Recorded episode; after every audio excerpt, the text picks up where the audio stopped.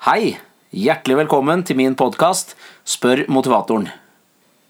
Forrige gang så snakket jeg jo om dette her med at øh, ja, du blir ikke lykkelig av å være best, men du er på ditt beste når du er lykkelig. Jeg snakket også om øh, hvor viktig det er å klare å bruke energien sin på de tingene man får gjort noe med, i stedet for å bruke energien på det man ikke får gjort noe med. I dag tenkte jeg å bruke litt tid på å prate om øh, hvordan vi snakker med oss selv. Og så må jeg bare få lov til å si at på slutten av denne podkasten, faktisk en ganske god del av den, så kommer eh, Liv Grete Skjelbreid på besøk og skal eh, prate litt om hennes betraktninger rundt dette. Hun er veldig flink på sånne ting. Så bare gled deg til det. Men eh, dette med positiv selvsnakk er viktig, fordi at måten du snakker til deg selv på, det er avgjørende for selvtilliten din og selvbildet ditt. Og selvtillit og selvbilde er jo det du tar med deg inn i alle livets situasjoner, så at det er så bra som mulig, det er viktig. Og da vil jeg bare skal tenke på følgende. Tenk deg på jobben din, hvor du har en sjef. Og du er jo på jobben ganske mange timer i døgnet, så det er jo avgjørende hva slags type leder du har. Og for å stille et litt ledende spørsmål, hvis du skulle velge, ville du hatt en demotiverende leder eller en motiverende leder når du er på jobb? Her vil de fleste svare da motiverende. For meg så er jo en motiverende leder det er jo en som eh, ser det jeg er flink til, og som påpeker det, gjerne mens andre hører på. Eh, som også ser hva jeg trenger å jobbe med, men som eh, ser det i lys av det jeg er flink til. Altså sånn at det blir litt sånn Øyvind, jeg syns du er superflink, jeg er glad for å ha deg her. Det er noen ting jeg vil at du skal bli bedre på, men sånn at det skal vi jobbe med, sånn at du blir enda bedre til å utføre jobben din. Altså at det er, en sånn, det er gjort med hjertet, da. Det motsatte er selvfølgelig en demotiverende leder, og det er jo en sånn en som eh, ser alle feilene mine, som ikke er redd for å påpeke de, og som gjerne gjør det mens andre hører på. Og hver gang jeg gjør noe bra, hvis jeg gjør noe som liksom er eh, Som burde være tilstrekkelig, så blir det enten snakka ned, sett i lys av de tingene jeg ikke er så god til, eller sammenlignet med at det er noen andre som gjør det bedre. Sånn at det blir sånn Ja, det skulle jo bare mangle om ikke du kom med disse tingene nå. Så det blir på en måte sånn at du føler at du aldri kan vinne uansett. Og så er jo da spørsmålet hvem er sjefen i livet ditt? Og det er selvfølgelig deg.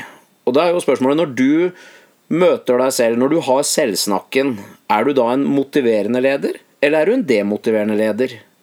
Altså Når du møter deg selv i speilet om morgenen, er det da sånn Oho, herlig, godt å se at du er her, jeg er så glad for at det er deg jeg møter i speilet.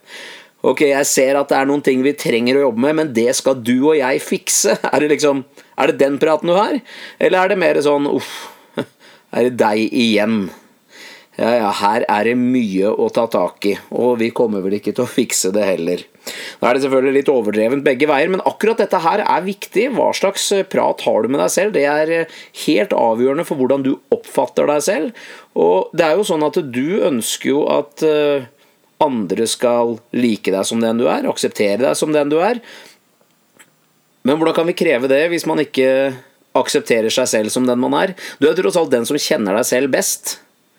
Eh, og akkurat dette her med å trene på å se seg selv eh, godt, kaste janteloven til side, det er en viktig øvelse. Og i veldig mange kurs jeg har hatt opp gjennom årene, så er dette en av øvelsene som jeg deler ut. Og det den går ut på, det er en sånn jeg kaller det en sånn mental eh, diett på selvsnakk, som går over ti dager, og den fungerer på følgende måte. Tre ganger om dagen så skal du gjøre øvelsen. Du ser deg selv i speilet, så skal du snakke høyt, og så skal du si 'Jeg liker deg fordi' og 'Jeg er stolt av deg fordi'. Og så skal det selvfølgelig komme et eller annet etter her, da. Og hvis det er sånn at du syns det er vanskelig å stå og skryte av deg selv i speilet, hvis du syns det er vanskelig å si at du liker deg selv eller er stolt av deg selv, ja, så behøver du mest sannsynlig å gjøre denne øvelsen. For det fins ingen grunn for at ikke du skulle kunne hoste opp mange grunner for at du både liker deg selv og er stolt av deg selv. Og det er det jeg vil at du skal ta med deg fra dette her. Positiv selvsnakk er utrolig viktig. Se deg selv for de tingene du er god for. Det betyr ikke at du ikke ser at du har feil eller forbedringspotensial, men først og fremst må du bygge opp en base der hvor du ser deg selv i et veldig godt lys. Nå skal vi over til den delen der hvor vi skal få møte dagens gjest, og det kommer her. Ja, nå må jeg si at jeg er veldig veldig glad og fornøyd her. fordi at eh, nå har jeg fått inn i mitt lille studio en jeg er veldig veldig spent på og glad for å få lov til å prate med. Selveste Liv Grete Skjelbreid. Velkommen, og takk for at du ville komme. Jo, takk for det. Takk for at jeg ble spurt. Jeg må si at eh, jeg har jo fulgt deg selvfølgelig like lang, lenge som alle andre, og så har jeg jo truffet deg gjennom flere anledninger med at du har jo eh, vært på lag med, med Ole Einar. og traff vel deg kanskje første gangen i 99 på en eller annen eh, samling der. Og så har jeg jo vært så heldig å få lov til å være med på ganske mange ting. Så jeg var jo et sånn stort øyeblikk jeg husker, var når jeg var med i Salt Lake City i samme bil når vi skulle ned til Medal Plaza for at du skulle hente en medalje, i og med at du og Einar hadde fått samme dagen. Du har jo hatt en sånn helt eh, fantastisk strålende karriere. Og, og, gjennom både karrieren din og livet ditt så, så har jeg tatt inntrykk av at du har vært opptatt av uh, det mentale. Altså alt det som foregår i, i, um, i huet. Det stemmer. Jeg er veldig, veldig glad i og veldig opptatt av å lære meg å styre tanker. Og egentlig ikke fordi at uh, jeg nødvendigvis skal, skal være bedre enn noen andre, men det er fordi at jeg, har, jeg syns det er så gøy å ha det gøy. Jeg syns det er så bra å klare å ha fokus på det som gir en livsgnist. Og jeg liker å ha det kjekt. Med ja, Latteren sitter løst, og humoren er der. Og jeg må ha det sånn. Hvis jeg har for noen dager som er litt sånn flate og tunge, så kjeder jeg meg rett og slett. Ja. Jeg har litt vanskelig for å liksom helt se for meg deg med flate og tunge dager. Ja, nei, altså, det, er jo, det er jo selvfølgelig av og til energinivået litt lavere enn andre dager. Men eh, stort sett så er det, så er det nok mer temperament i meg enn at det er flatt. Det er nok opp og ned mye mer. Ja, Men det er ned også. Jeg, jeg tenker, det er litt sånn lett å tenke seg at du er jo sånn eh, superliv-Grete som alltid har liksom fått til det du vil, og du er fantastisk flink på eh, i idrett selvfølgelig har hatt en kjempekarriere der og gjør det jo veldig bra nå. altså Hver gang vi ser deg, så er du på TV og du smiler. Og, men, eh, men, så det er tunge dager her òg, eller? Ja, altså absolutt. Det er akkurat som for alle andre. Så klart det er tunge dager. Men jeg, jeg prøver å på de tunge dagene, kanskje ikke første dagen, men andre dagen, så, så, tenker jeg at nå må du skjerpe deg. Og så er det liksom Hvor skal du klare å skjerpe deg? Og så må du begynne å tenke litt eh, hvorfor du ikke har det bra. Og så hva kan du gjøre noe med, og hva kan du ikke gjøre noe med. Og det er jo dette her spesielt for min del, da, for at jeg skal ha det bra i hverdagen, så er det å ha fokus på det som jeg får gjort noe med. Og det har jeg jo lært fra idretten. For hvis du har fokus på konkurrenter, eller hvis du har fokus på værforhold eller vind, så du ikke får gjort noe med, så mister du veldig masse energi og mye fokus på det som du egentlig så er det viktigste å ha fokus på, det er hva som bringer deg fra start, start til mål. Hvordan, hva tenker du, jeg tenker på så, Når vi går gjennom livet, så er vi går fra si, unge til eldre og mer voksne og kanskje mer erfaring. Men hva, hva, hvordan, eh, hvordan, ser du annerledes, hvordan er livet for deg i dag i forhold til før av, av, ting du fokuserer på, hva som er viktig for deg? Jeg brukte veldig lang tid etter idrettskarrieren min jeg la opp og klare å omstille meg og utnytte egentlig de eh, egenskapene som jeg hadde på den mentale idretten, og overføre det til et vanlig liv. Og det er jo fordi at i idretten så er det mye mer konkret. Du mm. får, du får, et tydelig svar på det du driver med, og det er lett å dele opp i delmål hele veien, og så kontrollere at du er på riktig kjør. Når du kommer ut i et litt mer vanlig, normalt liv, som jeg kaller det, mm. så er det litt mer diffust. Mm. Det er mer av ting som du ikke helt veit hvordan du skal samle det, på en måte, for det er så mange ting å ta tak i. Men når du klarer å på en måte ta et flyfot over deg sjøl, og så tenker du hva er viktig for meg, hva er ikke viktig for meg, så klarer du litt etter litt å plukke sammen eh, de bitene. Og da begynte jo egentlig eh, rett og slett med at jeg hadde alltid sånn speil på veggen der jeg eh, hadde sånn nesten en samtale med meg sjøl før jeg gikk på startstreken, der jeg måtte se meg sjøl inn i øynene. og så av og til så følte jeg at jeg så ut som en sånn der engelsk setter som ikke kom seg ut på jakt.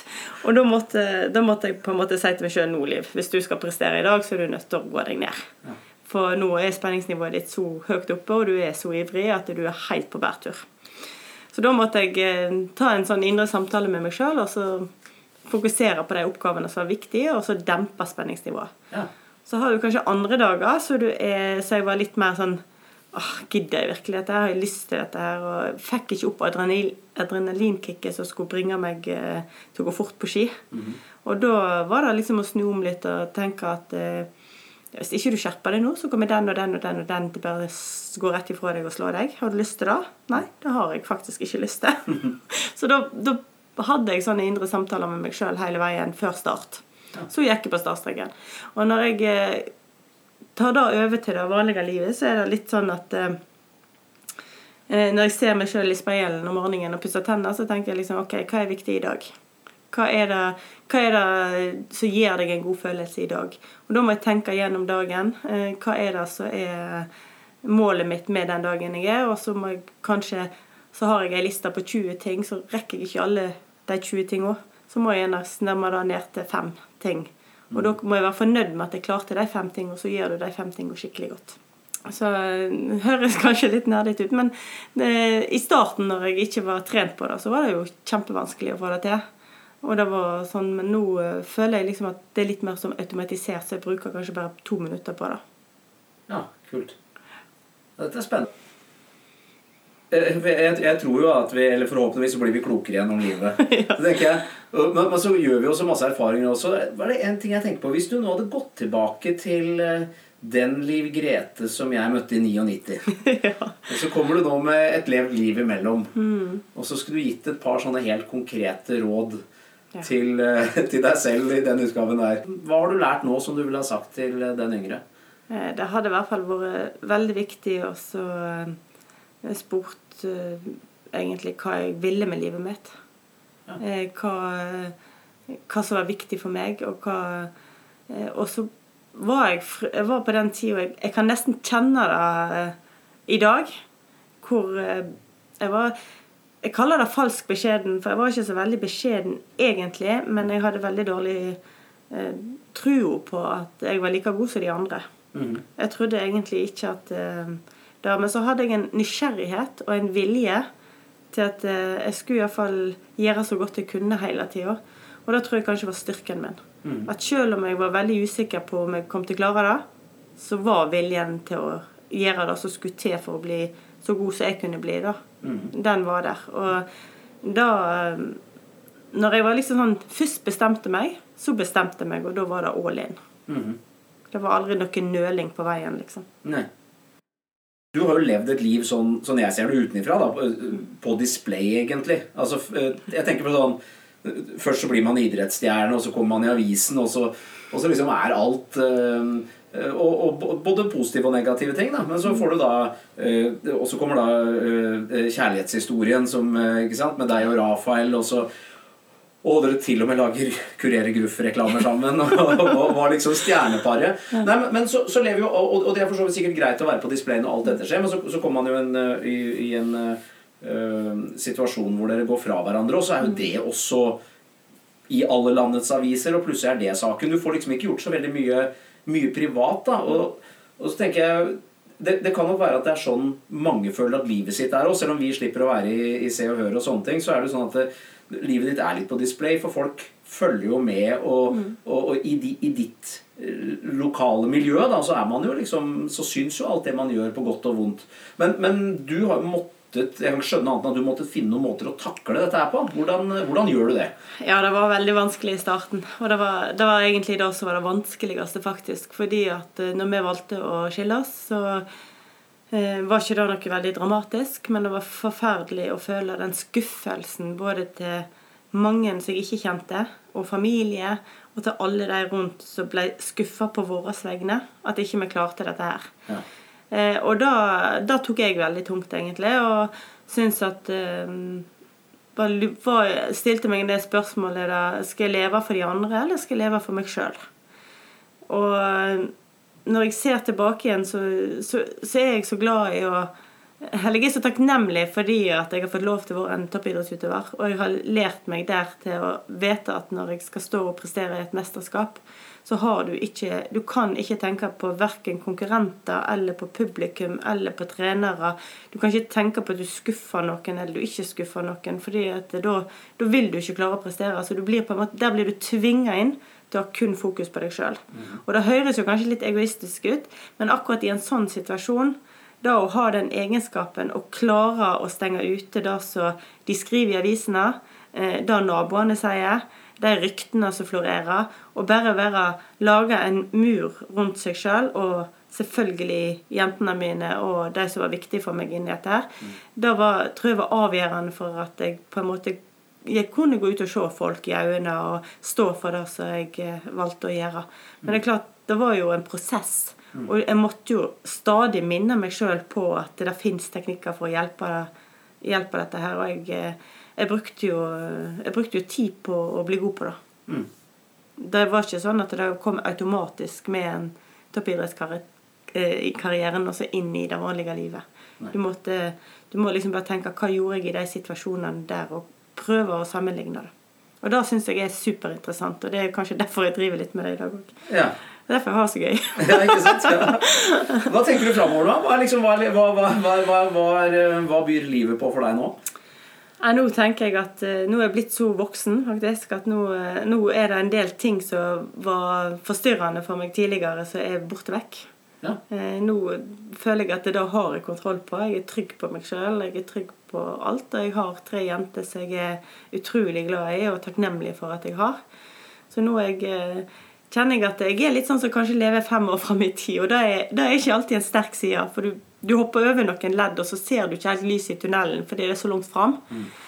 Eh, og det er jo det samme òg som når jeg setter meg et mål. Eh, der framme er OL, liksom. Men det er jo fire år til det er OL, og jeg skal trene altså 800 ganger fire timer. Sant? Du blir sliten før du har begynt. Så det, når jeg tenker og ser fram i spenning om hva og hvor jentene mine havner, både skolemessig og andre ting, eh, og vil helst ha svaret i dag, så må jeg minne meg sjøl på hele tida at det, eh, er nå som teller. Vi tar det når det kommer. Og da eh, klarer jeg å senke skuldrene og nyte øyeblikket. Du har blitt voksen, altså? Hæ?! Jeg blir aldri voksen. Nei, da, nei, da nekter jeg faktisk. Ja, så bra. Jeg, jeg vil gjerne ha prata med deg resten av uka om dette, her, for dette syns jeg er veldig spennende. Jeg håper at jeg kan si tusen takk for denne innledende samtalen. Og at vi får muligheten til å komme sammen igjen og, og prate om eh, flere temaer og andre ting uh, senere. Jeg syns det har vært utrolig gøy å, å følge deg uh, med alt det du har gjort. Jeg synes det er, Hver gang jeg treffer deg, du har masse energi, og det er utrolig uh, artig å være sammen med deg. Så, så jeg gleder meg til jeg, jeg, vil si jeg gleder meg til neste gang vi skal prate sammen. Jo, takk for det. I like måte. Det var episoden med Liv Grete Skjelbreid. Håper du synes dette var like spennende og inspirerende å høre på som jeg synes det har vært inspirerende å prate med henne. Jeg kommer tilbake igjen eh, snart med en ny podkast, og hvis du har noe innspill til meg, så send det gjerne på hammer at motivasjon.no, eller så kan du finne meg på Facebook eh, på Øyvind Hammer. Tusen takk for at du hørte på. Vi høres snart igjen.